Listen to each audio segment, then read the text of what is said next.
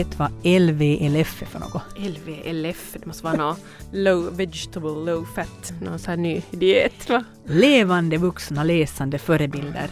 Det var bibliotekarien Netta Agneta Möller Salmela som berättade åt mig vad det här betyder. LVLF, okej. Okay. Mm.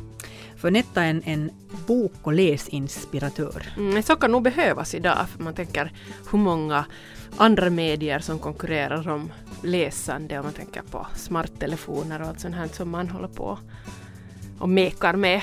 Barn, barn läser mindre idag. Och jag har varit på besök eh, i i Hangebibba. Där jobbar Netta som sagoberättare. Och hon tycker att böckerna helt enkelt är för tysta. Barnen hittar inte böckerna i bokhyllorna och de är inte tillräckligt häftiga. Bara den här pärmen utan det behövs något mer. Hon... Böcker är för tysta, det där vill jag höra mer om.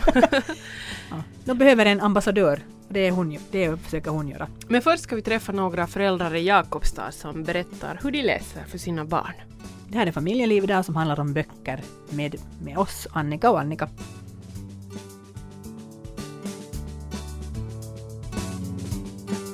Läser ni sagor för era barn? Jo, det gör jag, men um, jag skulle säga att när de var mindre så läste jag mer, då var det som varje kväll och det hörde till.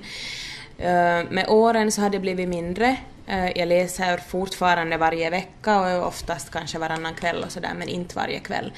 Det som vi har börjat göra, delvis de kvällar jag inte läser, så vill barnen höra på CD-sagor. Så det har varit vårt alternativ då till de brukar få välja själva att vill de höra en CD-saga eller vill de ha mamma, då brukar Astrids röst vinna ganska ofta. Det går i perioder hos oss också och just nu så läser vi inte sagor åt den här sexåringen utan jag får översätta sådana här finska Star Wars-tidningar. Då. Men när han var mindre så läste vi faktiskt jättemycket och, och jag har, eller han har en eh, gudmor i Sverige, Nina, som eh, vet vad han går igenom tycks det vara som, så att vi har när hans lilla syster föddes så var det Håkan Bråkan som gällde och eh, Bebismysteriet och så är det Lasse-Majas detektivbyrå. Men det går i perioder det där så att just nu är vi inne i Star Wars översättar finska tidningar. men till den här lilla så, så hon eh, läser, inte jag, men hennes pappa gör det faktiskt. Vi läser varje kväll. Vi har som rutin att vi läser varje kväll. Och det är Lasse-Majas detektivbyrå som är nog högt i kurs. Och så är det biblioteksböcker. Det är olika, men vi läser varje kväll. De här rösterna tillhör Lidia Lehtinen, Katja Näsi Sundholm och Stefan Edholm. Och de har barn i åldern 1 till 9 år. Det är Susanna Rönn som har träffat dem. Du sa att när de var yngre så, så läste du mera. Har du någon teori om varför du tror att det minskar när de blir lite äldre? Uh, delvis kanske eh, det beror på det att när de var yngre så hade vi mer rutiner. Nu har vi rutiner fortfarande och jag försöker få dem i säng en viss tid, men barnen är ofta så sena med att komma i säng. Så det hade blivit det där att, att klockan hinner bli mycket eller någonting. Plus att de har fått välja själv och ganska ofta så har de valt just de här CD-sagorna för de har ganska många. Jag vet inte om det är det som är orsaken, bara liksom att rutinerna har börjat glida lite mer ju äldre de blir, eller om det är mamma som har tröttnat. Delvis kanske. Otto han var väldigt intresserad av böcker när han var mindre och ville själv liksom komma och vilja läsa böcker medan nu är han inte intresserad utan nu är det som andra, andra kvällsbestyr eller dagsbestyr och bygglego som gäller.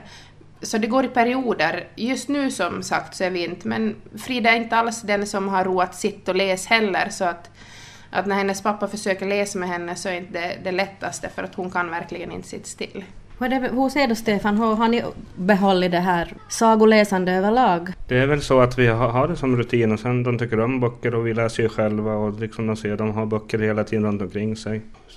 Som Lydia och Katja sa att de, när de blir äldre så vad heter det, de läser själva nu mer mm. också så de tar en bok själva och sitter och läser istället ibland också. Men vi, när de vill så läser vi sådär så det blir mindre och mindre för oss också som de läser själva. Mm. Hur viktigt skulle ni säga att det är det här just med böcker och sagor och att lära barnen det här? Det är ju oerhört viktigt, alltså det är ju något som, som alla barn behöver. Alltså dels så öppnar det ju den här hela fantasivärlden på ett helt annat sätt än, än om inte man hör sagor för att man vet ju själv när man läser en bok, man har ju byggt upp i sitt huvud precis hur allting ser ut och hur allting är.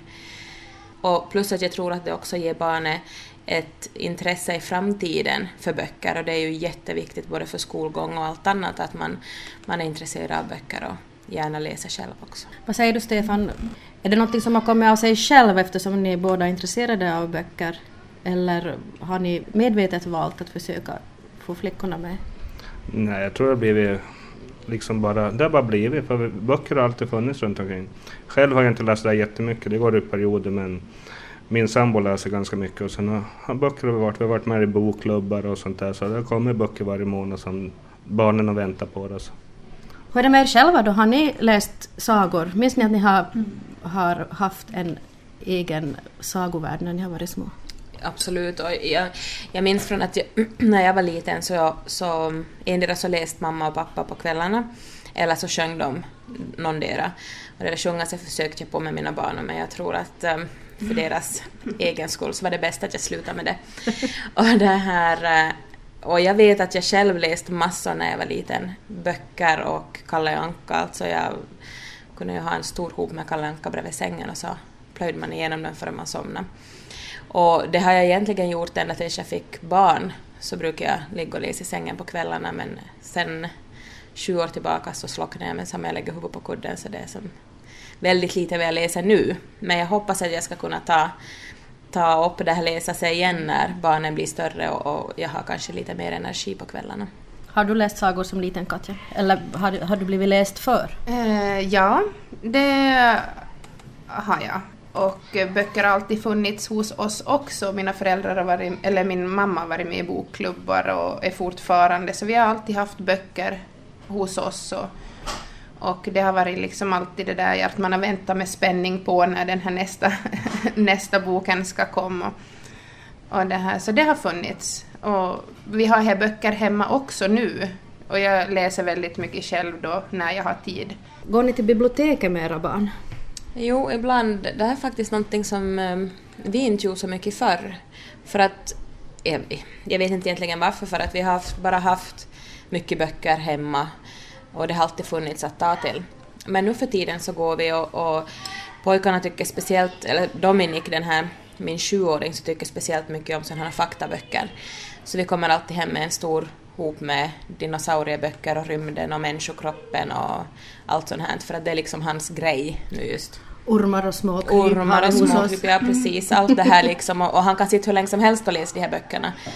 Och det mest, egentligen är det mest faktaböcker vi tar hem från biblioteket. Sagoböcker också och nu, har, nu finns det ju de här lätta att läsa böckerna som, som eh, är enkelt för Dominik att själv läsa igenom. Går ni till Bibban? Eh, faktiskt så har vi försökt, men eh, där för vår del så har Otto varit mest intresserad av den här hästen som man kan krypa igenom och sitta på. så att eh, nej, vi gör faktiskt inte, utan vi läser det som vi har och det som vi får. Och... Jo, vi går ju som, som jag sa tidigare till biblioteket en gång i månaden ungefär när böckerna ska in. Då. Och vi har faktiskt slutat gå till Jakobstads bibliotek. Vi går faktiskt till eh, Pedisi bibliotek som är mycket mindre. Så har de faktiskt med böcker och barnböcker det finns till barnen som nu när de inte vill ha de här bilderböckerna, de vill ha de här Lasse-Majorna mm. och de finns oftast där. Mm. Så då har det blivit bättre då, och de tycker det är roligare. Det är inte så stort att springa runt omkring. Märker ni att det skulle ha ändrat det här när de lär sig läsa? Att vill de hellre läsa själva eller vill de fortfarande höra mammas saga? Hos oss åtminstone så hör han mycket hellre på när jag läser än att han läser själv. Han kan läsa själv men han, det går ju förstås långsammare än om jag läser. Och sen är det ju förstås det här när mamma läser med inlevelse och det är ju ett helt, helt annan sak än att läsa själv. Han läser själv men om han får välja så då väljer han nog mig. Jo, nej men det är ju, de läser själva helst. Men det är tidigare på kvällen eller på dagen. Så mm. Men just det här vid nattningen som är, har nog blivit en rutin och då får de ju ligga och bara lyssna. Mm. Så det är ganska skönt för dem att ta, ta det lugnt. Just det här med att bara ligga och lyssna eller sitta och lyssna, vad tror ni att det är som händer inuti dem när de, de lyssnar? Jag tror ju att, att på kvällarna när de lägger sig och lyssnar på en saga så hoppas jag att det har en lugnande effekt och det tror jag det har för mina pojkar som annars är väldigt livliga så lugnar ner sig med samma det är frågan om sagoläsning. Vare sig det är jag eller CD-skivan så blir de lugna och tysta och de somnar till CD-skivan. De hinner inte höra mycket av sagan före de somnar. När jag läser så hålls de ju nog vakna tills jag har läst klart. För de ligger inte i sina sängar när jag läser för de vill ju se bilderna förstås.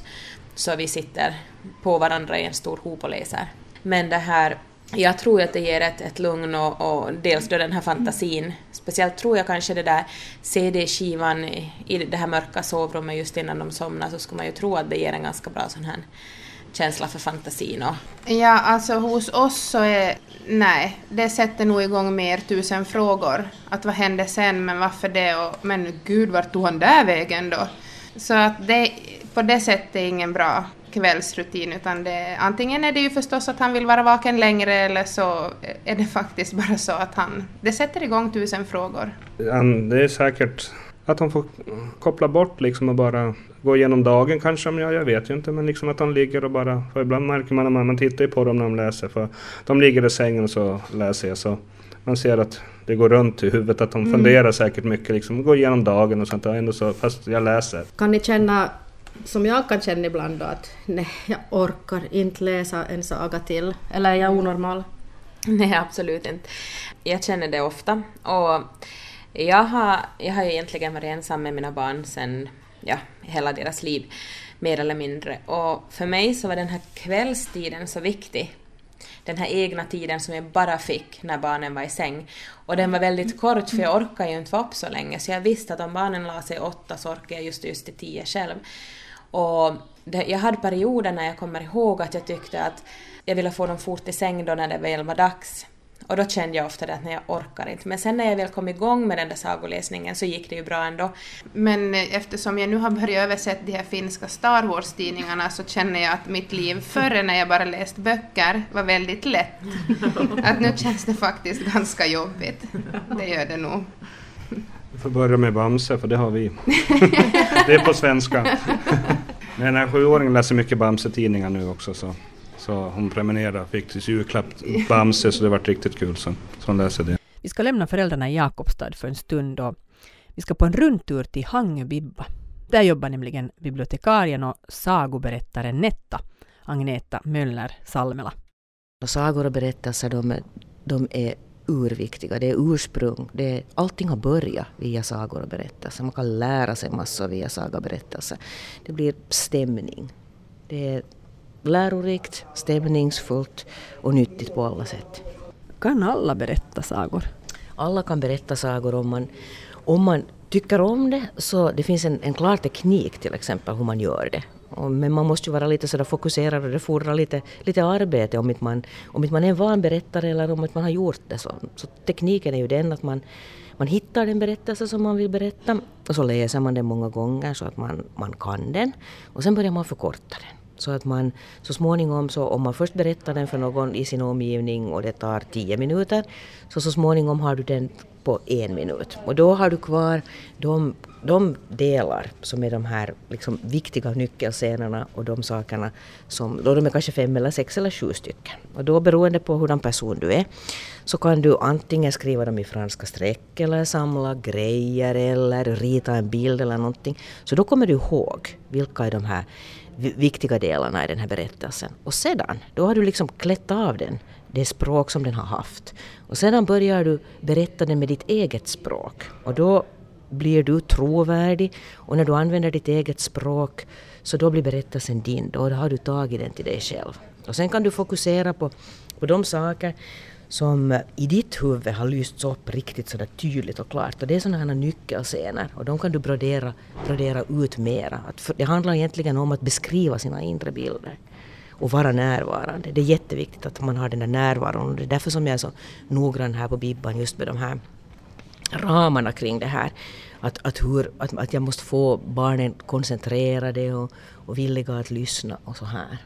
Och, och ju mer jag sedan får av de som lyssnar, jag märker att de blir de, de vill lyssna på det som jag har att berätta så då blir jag själv liksom mer i farten. Och det lever i stunden den, den där berättelsen. Att det kan, ibland kan det gå så att jag är, till exempel om jag besöker någon skola så kör det förbi en bil som en brandbil eller någonting så kan man bra kanske få in det där ljudet i den här berättelsen. För det händer just precis här och nu. Och det är det viktiga.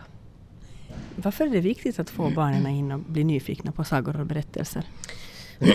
För att när barnen lyssnar så då går de in i sin egen värld. De sjunker lite sådär ihop och deras blick blir lite sådär glasartad. Och det är då som de skapar de där egna, egna bilderna i sitt huvud. Och det är via de här egna bilderna som de har i sitt huvud som man kan ta till sig all kunskap och allt sånt som man behöver när man ska vara i skolan.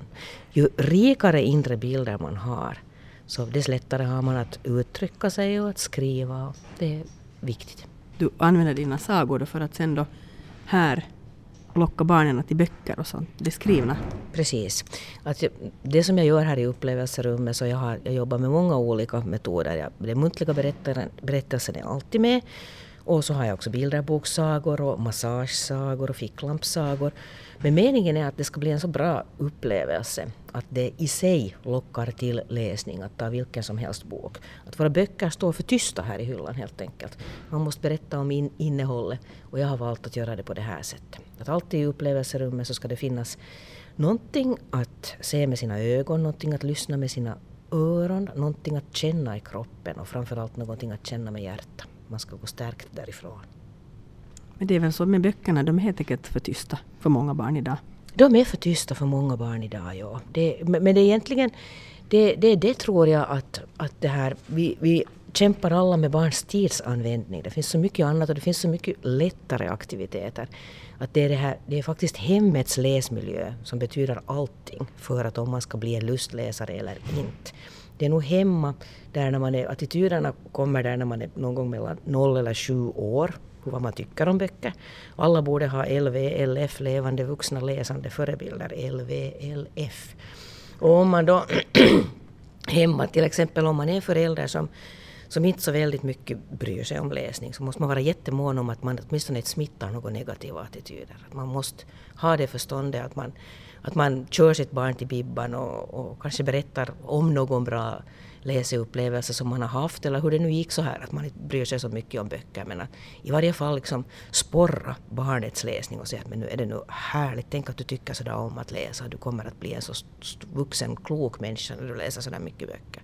I boken där finns allting. Via, via en bok så, så får man till exempel, man lär sig språket. Det har en, en jättestor betydelse när man till exempel ska börja skolan att om du har 1500 ord i din ryggsäck eller om du har 6000. Det påverkar allting. Hur du kan ta till dig, vad du ska göra i skolan, hur du förstår en uppgift och, och sådana här saker. Så lär man sig koncentrationen, vanan att bli stilla. Om man övar det här hemma, man borde läsa 3000 böcker innan barnet har börjat skolan. 3000 sagor eller berättelser. Det är bara tre om dagen. En bekant saga, en ny saga och en favoritsaga. Tre om dagen? Tre om dagen. Men då, lever många upp till det här? Det här är svårt att tro. Inte det alls svårt. Tre korta berättelser när man är liten och man måste ju liksom lära sig det där. Redan en, när man har en ettåring som tultar omkring med en liten bok så, så varje gång som den där ettåringen kommer gående med den där boken så då börjar man bara liksom prata kring bilderna och så småningom, man ska varje gång så måste man liksom bekräfta det där barnet att nu hämtar du boken. Och nu så pratar vi om bilderna, så småningom kan vi börja läsa den och så blir det längre och längre och längre stunder. På samma vis som man lär barn allt möjligt annat, gå på pottan, äta snyggt, göra sådana här saker, så måste man lära barnet att bli en läsare också. Man blir, inte man blir ingen lustläsare eh, sådär automatiskt den här tiden som vi lever i. Utan man måste liksom jobba på det. Och man måste faktiskt medvetandegöra föräldrarna om allting alla de goda sakerna som man via läsningen kan få. Men jag upplever bara att det ofta är så att man vill, de vill gå tillbaka till sina gamla favoriter. Att hur mycket man än lånar på Bibban så är det de egna gamla böckerna som gäller. Mm, ja, det, det finns vissa sådana stadier ofta i barns liv att de vill höra samma saga många, många gånger. Och där en del helt enkelt bara tycker om den sagan så, så väldigt mycket. Eller så kan det finnas ett element av att, att den sagan på något sätt eh, ger en viss trygghet. Eller så kan det finnas något sånt att det kan finnas något speciellt litet problem som det där barnet håller på att behandla just nu i den här sagan och det kräver många gånger. Att, det, att, att, att just det här alltid det, det är väldigt tröttande för föräldrarna de perioder som barnen vill bara höra samma. Så man kan alltid försöka det här att men vi tar den sen men vi tar en annan, en annan saga först och så här. Att, att det är nog, man ska nog följa det där barnets vilja och vad man, vad man vill läsa men försöka också introducera annat. Men du säger att böckerna står så tysta i bokhyllan och de marknadsför sig inte själva. Men du har försökt göra någonting åt saken? No, jo, jag har, jag har jobbat jättelänge med det här. Det börjar vara ungefär faktiskt tio år här i Hangö och jag har nu alla olika grupper. Allt från 35-åringar och förskolebarn och klasser ända upp till gymnasiet både på finska och svenska. Och jag har fått Finlands största bibliotekspris för det här arbetet som jag gör och jag är jättestolt och glad över att jag fick det och, och det har gett mig mera inspiration och kraft att prova på mina metoder och, och jag är nog jätteinspirerad av det här och jag ser att det är så otroligt behövligt. Jag gör ganska mycket föreläsningsarbete också. Jag, jag hör överallt att alla, alla tycker att det här är ett viktigt arbete och de funderar över mina metoder och vad som är bästa sättet att samarbeta med skolor och, och, och så här.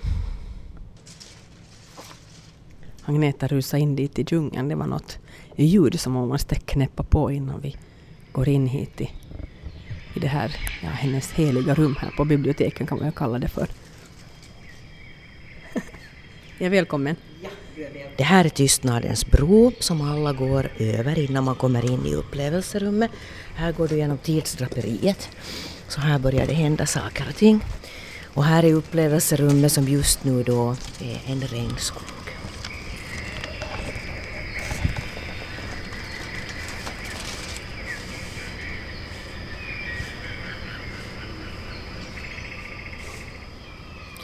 Barnen får också en tystnadssten i sin hand när de kommer. Och den stenen, det kan vara en sten eller en snäcka eller fantasins runda boll och den för man i ansiktet bara här. Och sen lyssnar vi på tystnaden som kommer så småningom och så belyser jag alla saker som finns här i rummet. Och sen börjar jag berätta. Och här är då just nu en, en regnskog och här finns då element från de olika berättelser som jag berättar. Här är bland annat Kwaku Anansi, den här spindeln från västra Afrika som är en sån här tricksterfigur som lurar alla andra djur egentligen. Och här är en papegoja som räddar regnskogen med bara några droppar vatten. Och eh, det ser ut som, som naturgudarna skrattar åt, åt henne för att, för att eh, man kan inte rädda stora, stora bränder i skogen med bara någon droppe vatten så att man doppar sig i en sjö emellan och så försöker man flyga. Men sen finns det en naturgud som blir så tagen av att den här papegojan faktiskt försöker göra det. Så den här naturguden börjar gråta och det regnar ner över skogen och så blir den räddad. Alla sagor har varit kring Kilimanjaro. Kilimanjaros sluttningar i Afrika. Den, e- en saga handlar om, om Gaura Devi som räddar regnskogen när männen kommer för att, för att fälla den. Och så finns just Kwaku Anansis berättelse. Flera av dem egentligen. Och så finns papegojan. Och så finns här en berättelse om en hövding som blir sjuk i en by och endast pytonormen Nyengere kan rädda honom. Och barnen, barnen, barnen vågar söka Nyengere fast de vuxna inte vågar. Har de här alltså en anknytning då till traditionella sagor från Afrika? De här ja, ja, många av dem har. Men att jag, jag, jag tar varifrån som helst jag söker av olika... Det, det är det som gäller nu, är miljön här. Och att berättelserna stämmer in i den miljö som jag som jag har gjort. Det är Regnskogens apotek som synes. En massa olika flaskor med ja. färggranna drycker. Och... Ja, och det här är alltså mediciner, sådana som redan är upptäckta och sådana som inte är upptäckta. Den där gröna flaskan som du ser där, så den innehåller alla möjliga äckliga djur. Det är en modflaska. Att via den flaskan så kan man genom sitt pekfinger så får man mod. I tystnaden får man lägga sitt pekfinger på den flaskan. Men det är en så bra flaska att, att om man till exempel är för modig, att man tycker att man inte behöver den, så kan man också ge av sitt eget mod till den där flaskan så att andra kan använda det. Att på det viset så kan alla använda det. Så här är lyckoflaskan. Här är den här som ibland sedan då blir till helt fylld. Är det du som har kokat ihop de här ja, det är häxdryckerna? jag som har kokat ihop dem. Det är det nog. Det måste vara ganska roligt när du gjorde. Ja, jag har nog. Jag har ett sånt jobb som är för mig jätteviktigt. Här är fararnas flaska. Med Den får man svarta... inte röra. Nej, man får inte röra den. Nej, åtminstone inte. Vad händer nu? Nå, i du var så stor att du kunde lite sådär nosa på den men de andra får inte. nej. Att här är många olika och så småningom kommer du att få se användningen av den där ena men det är jag inte alls berätta. Och sedan, ibland kan vi göra så beroende på vad vi har för olika berättelser och vad vi har för tema på gång och vad jag vill fokusera. Att ibland kan barnen få välja liksom vilken av de här flaskorna som de vill använda. Då ger jag liksom förslag. Till exempel ofta har vi visdomsflaskan, mordflaskan och lyckoflaskan. Så då får man lägga sitt pekfinger på den flaska som man behöver just den dagen. Så de får sen sitta här och berätta också själva. En muntlig berättelse till exempel, den avbryter man aldrig. Det, det, det lyssnar man alltid från början till slut noggrant. Och, och, och när jag läser så svarar jag inte heller på några kommentarer. För jag vill att liksom alla är koncentrerade. Men sedan när vi är färdiga, då börjar vi analysera berättelser och, och sånt här. Och då får barnen prata. Men det här har de väldigt fort lärt sig. Liksom. De vet att nu är det jag som pratar och, och, och när är deras tur att prata. För att om man, om man avbryter någonting, liksom till exempel högläsning eller så här, om någon bara liksom vill fråga någonting på en detalj, så då far genast den där sagostämningen. Och, och, och de som kanske har svårare att koncentrera sig, så de tappar koncentrationen. Och för mig är det liksom, det alla berättelser, allt vad jag gör är, är liksom en helhet. Men det betyder inte att barnen inte får prata, men efteråt. Det finns liksom bestämda grejer hur vi, hur vi gör det helt enkelt här. Kommer någon hit till mig?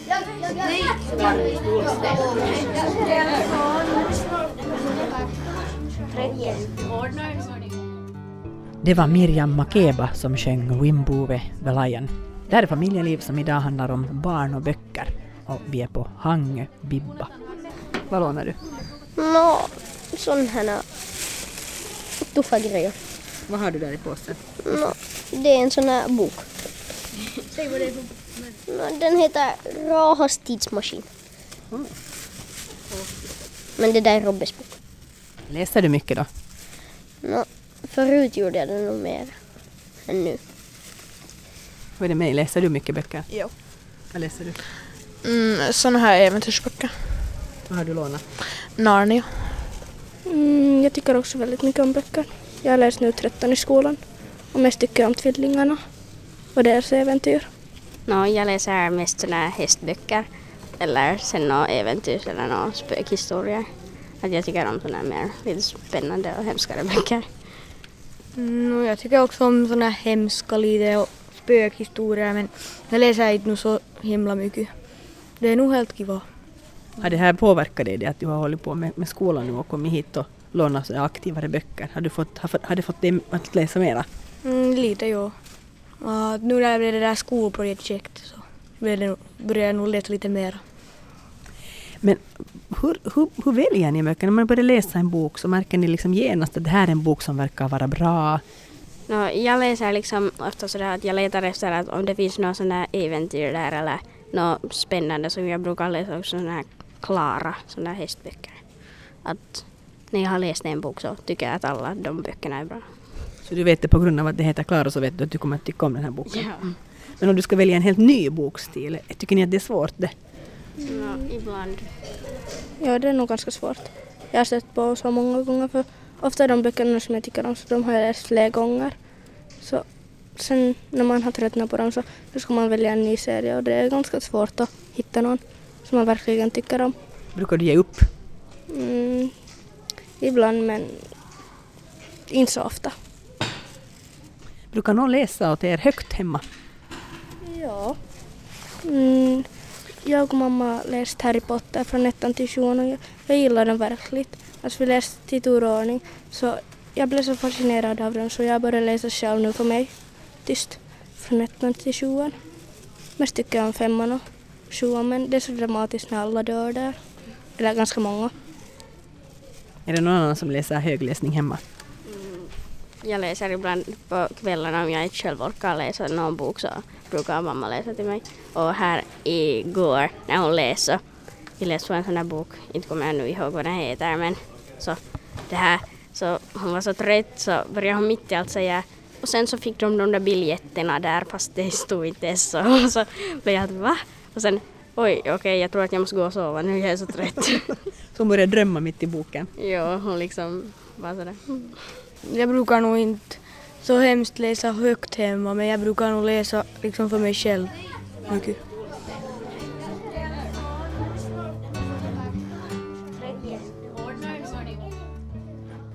Jag och vi i vår skola vi har tyckt nu på senaste året att barnen läser sämre, mindre än förr. Och det märks ju i deras språk, både det muntliga och det skriftliga.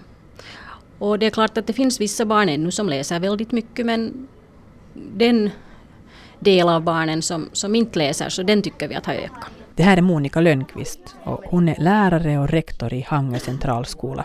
Hon och hennes kollegor är oroliga över trenden att barnen, eller många av barnen, läser så lite. Och det är klart att intressena är lite olika nu än vad de var förr.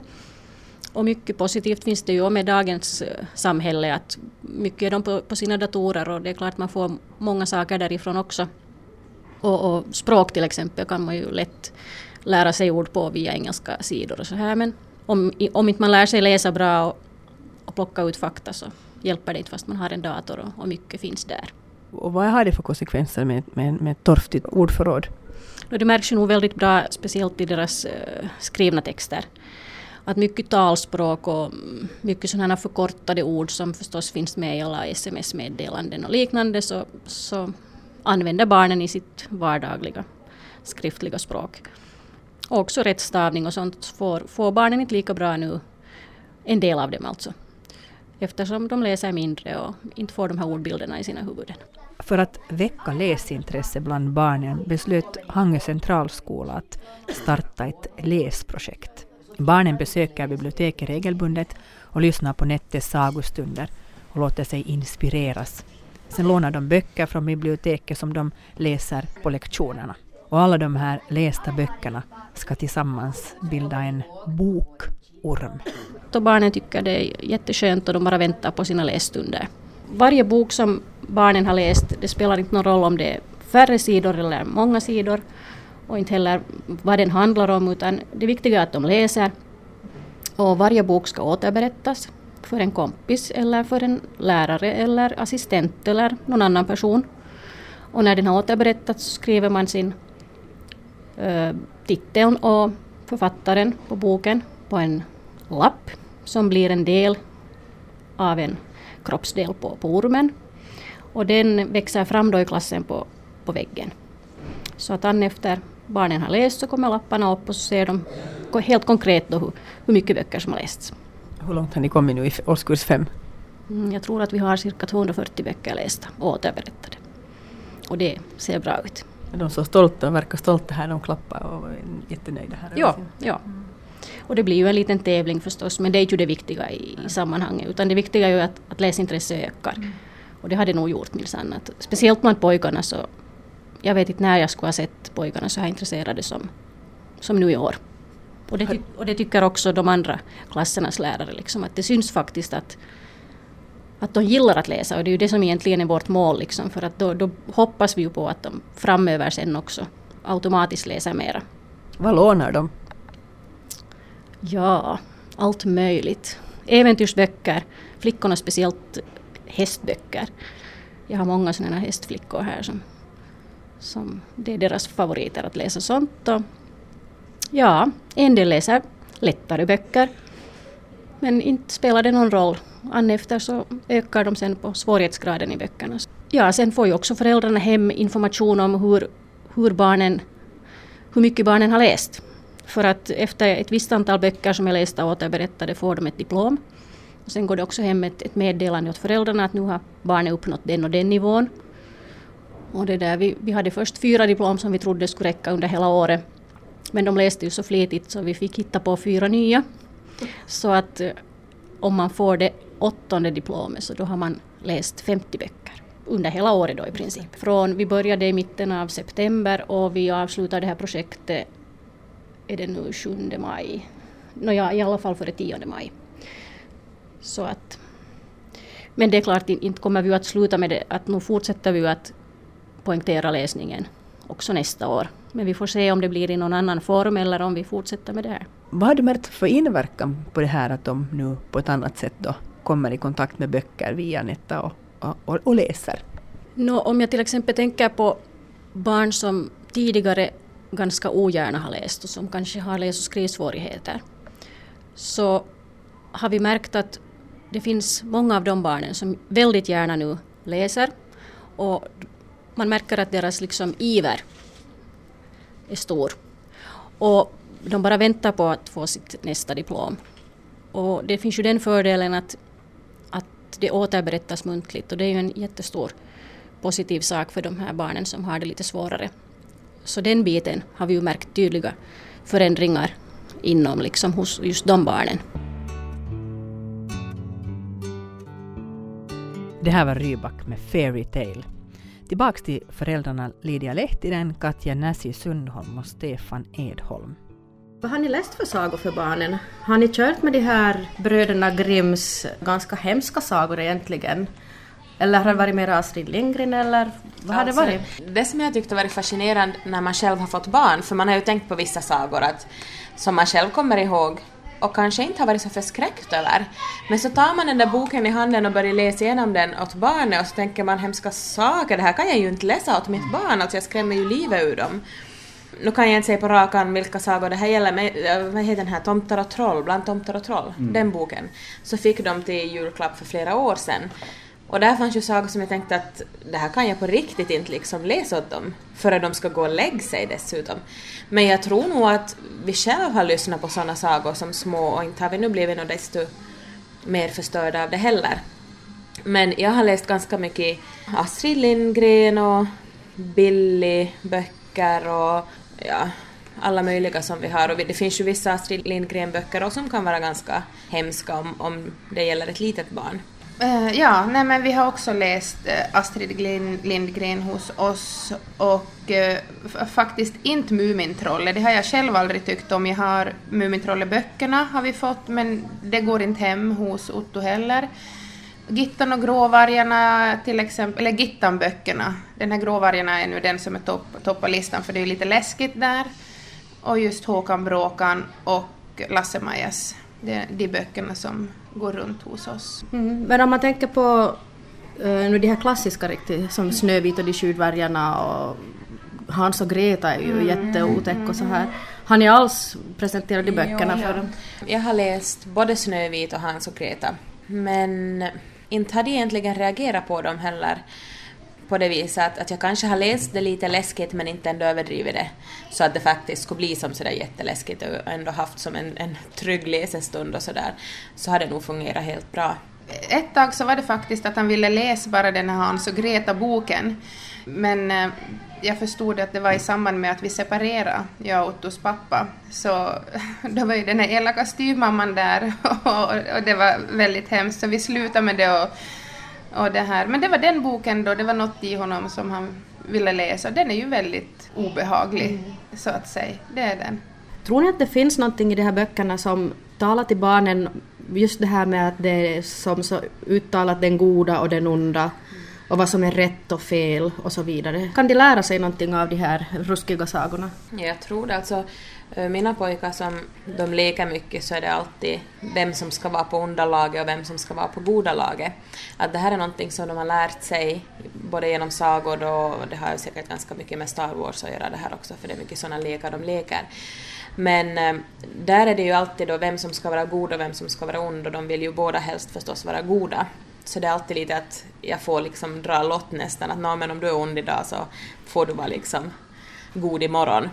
Att jag tror nog att de lär sig av det och de vet ju vilket som är rätt och fel och vad som är bättre att vara i leken så att säga. Ja, det där ser man ju faktiskt i åldern också, att just när det kommer till... Vi, vi har ju mycket Star Wars hos oss, men att det är de här yngre barnen som är på underlaget, för att de här äldre har liksom fattat grejen redan, att vem det är som i längden vinner. Och de här yngre då, så de får ju, det är ju som bara yes, ond, wow. är nöjd med det. Så ja, det, jag tror också att det... Ja, som jag har två flickor så blir det ofta bara prinsessor så vi har inga riddare och sånt här så, så, så vi har bara goda där hemma. Du får inte heller vara som Nej. statist där. Nej, ibland kanske. Men jag får vara grodan då. då. Det finns en roll för alla. Ja. Vad har ni själv för favoritsaga? Vad har du Lydia för favoritsaga? Ja, jag måste ju kanske ändå säga att jag älskar ju nog Ronja Rövardotter. både som film och saga. Det är nog en sån där som jag minns det klart och tydligt när jag läste den boken och, och sett filmen och var ju helt fascinerad som liten och jag älskar att se den fortfarande. Den bok som jag hade som favorit när jag var liten så det var de här Pelle Svanslös-böckerna. Mm. Ja, min är väl Bröderna Lejonhjärta av Astrid Lindgren. Det är väl man känner igen som, eller i Skorpan och sånt där så mycket. Den har jag inte läst åt pojkarna ännu. Um, jag har tänkt att jag skulle göra det men jag känner att uh, Dominik som är sju skulle kanske klara av det. Konrad, ja han skulle klara av det men han är lite för liten. Mm. Och de har från förr så jättemycket frågor om döden och sånt här och jag känner att det kanske skulle som gör det ännu starkare på något vis det där. Fast det kanske skulle vara bra på ett sätt och att det skulle kanske då få, man skulle kunna diskutera det på, ett, på en annan nivå men, men jag har inte gjort det ännu. Jag har inte heller läst det för mina och Mio min Mio är också väldigt mm. obehaglig och den, mm. den började vi på med Linnea och hon var helt så att jo, jag kan inte läsa den. Men vi har aldrig kommit igenom den för mm. hon har sagt, hon har sagt att nej nu vill hon inte något mera för nej. den är så otäck att hon mm. blir rädd av den. Ja den är ju otäck mm. Men tror ni att sagorna kan vara ett redskap just som att tala om sådana här svåra saker eller som de har mycket funderingar om. Mm. Jag tänkte just på det här som du sa med Hans och Greta Katja att det är många barn idag som lever mm. där föräldrarna har separerat mm. och har nya, nya partners och nya förhållanden, mm. nya familjer. Kan de som på något sätt vara bra att ta till när man ska ta upp någon svår sak med dem tror ni? Ja, alltså jag, jag märkte ju det då att det var ju någonting som han funderade över. Så då diskuterade vi, eller diskuterade vi, pratade om det.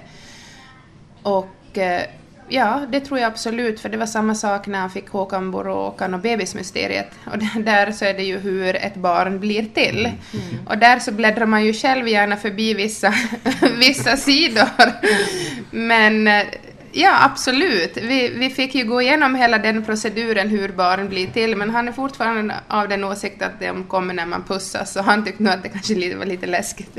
Ja, den där Håkan Bråkan och Bebismysteriet har man nog läst och skrattat många gånger, så frågar de barnen varför skrattar du för? för den är, den är bra, jag rekommenderar den till alla att mm. de ska läsa den om någon väntar barn och sånt här, eller om någon väninna, någon, någon i släkten väntar barn. Mm. Den är bra. Det var det jag skulle säga om det där med att behandla svåra saker och att få fram en diskussion genom sagor. Så en som jag kommer ihåg att, att eh, fick pojkarna att börja fundera på mycket var den här eh, Nils Karlsson Pyssling. Där är ju den här systern har ju dött då när sagan börjar så att säga. Och det var jättesvårt för dem att förstå när vi läste den för då var de så pass små att de blev liksom chockerade att va, att hur kan en syster dö? Att det är ju bara gamla människor som dör. Att då hade de inte ännu liksom förstått att det faktiskt kan gå så. Och, och jag tror att det var ganska som, vi fick en, en bra pratstund med det och liksom förklara att det faktiskt kan ske. Att det inte bara är gamla människor som dör. Fast det är lite läskigt att diskutera det och man märker på barnen att det känns kanske lite otryggt mm. att, att alla kan dö egentligen när som helst. Men tillika så, vi fick en bra pratstund av det. Så jag tror nog att, att barn ofta, för de frågar ju jättemycket när man läser sagor och, och det ger ju kanske dem en möjlighet att fråga sånt som inte de skulle komma på att fråga annars. Och man kanske inte, jag skulle inte komma på att diskutera vissa saker med dem och inte vet att de funder, går omkring och funderar på sånt. Men då i sagans värld så är det lättare att, att ta upp det nu i denna värld som vi lever 2012 så, så får man inte läsa det sådär bara utan man måste, man måste faktiskt liksom aktivt jobba på det. Och det finns inga genvägar. Om man vill ha ett barn till läsare med alla de fördelar som det ger så då måste man läsa, ha böcker hemma, diskutera, prata, bolla med ord, vara närvarande i det här. Stänga lite datorer och, och telefoner och, och, och faktiskt det, det, och det bästa med det här med läsningar och berättande, så det kostar ta med sjutton ingenting. För vi har liksom vi har gratis bibliotek och det, det är bara föräldrarnas tid och, och, och, och, föräldrarna vill sina barn väl. Så därför tror jag att det är liksom det, de här barn och föräldraprojekten som jag också gör här, som vi, vi jobbar till exempel med förskolebarnens föräldrar och barn tillsammans, så att vi träffas tre gånger. Så där, där visar jag med alla mina olika metoder hur man kan, vad allt man kan göra via böcker och berättelser. Och jag tror att det är det kanske som föräldrarna liksom behöver mera, mera tips på, att hur, och, och få liksom smaka på den där stämningen när någonting är välgjort och bra. Och, och, och, och så här. Och man får sin tystnadssten och man ska sitta nära sin förälder. och jag gör inom samma tema här igen olika berättelser, och både, både muntligt berättande och bilderbokssagor och massagesagor. Som, så det brukar vara något som är väldigt uppskattat sen när man kommer med föräldrarna. Där sitter de och, och, och nära varandra och, och gör åt varandra massagesagor. Och stämningen blir bra och tiden stannar och barnen växer. Det var Agneta Möller Salmela på Hangö Bibba. Så är det vi några föräldrar i Jakobstad som Susanna Rönn hade träffat. Ja, tänk att bara spontant avbryta något man håller på med för att läsa en stund. Jag vet otaliga gånger när jag bara har sagt att inte nu, inte nu när någon av ungarna har kommit med en bok. Och jag tänkte att jag läser sen vid sängen. Vi diskuterade det här på vår Facebook-sida just och då var det, jag minns inte vad det var mormor eller farmor som skrev att hon vet att föräldrar har inte så mycket tid att läsa så hon, hon läser mycket med sina barn. Det tycker jag är bra det där. Mor och farföräldrar ska läsa med sina barnbarn. Och också vi föräldrar kan ja, lite ja. skärpa oss tycker jag. Nästa vecka frågar vi oss om barnen får vara blyga idag. Eh, det är nog svårare tror jag i dagens samhälle än förr för barn att få vara blyga. De får vara det men man försöker kanske sätta dem i en annan form och försöker kanske lite forma om dem för att de inte ska vara så blyga. Skriv till oss på familjeliv.vega yle.fi och diskutera på Facebook. Vi hörs, jag heter Annika Sylvin Reuter. Jag heter Annika Lövgren. Hej då! Bye.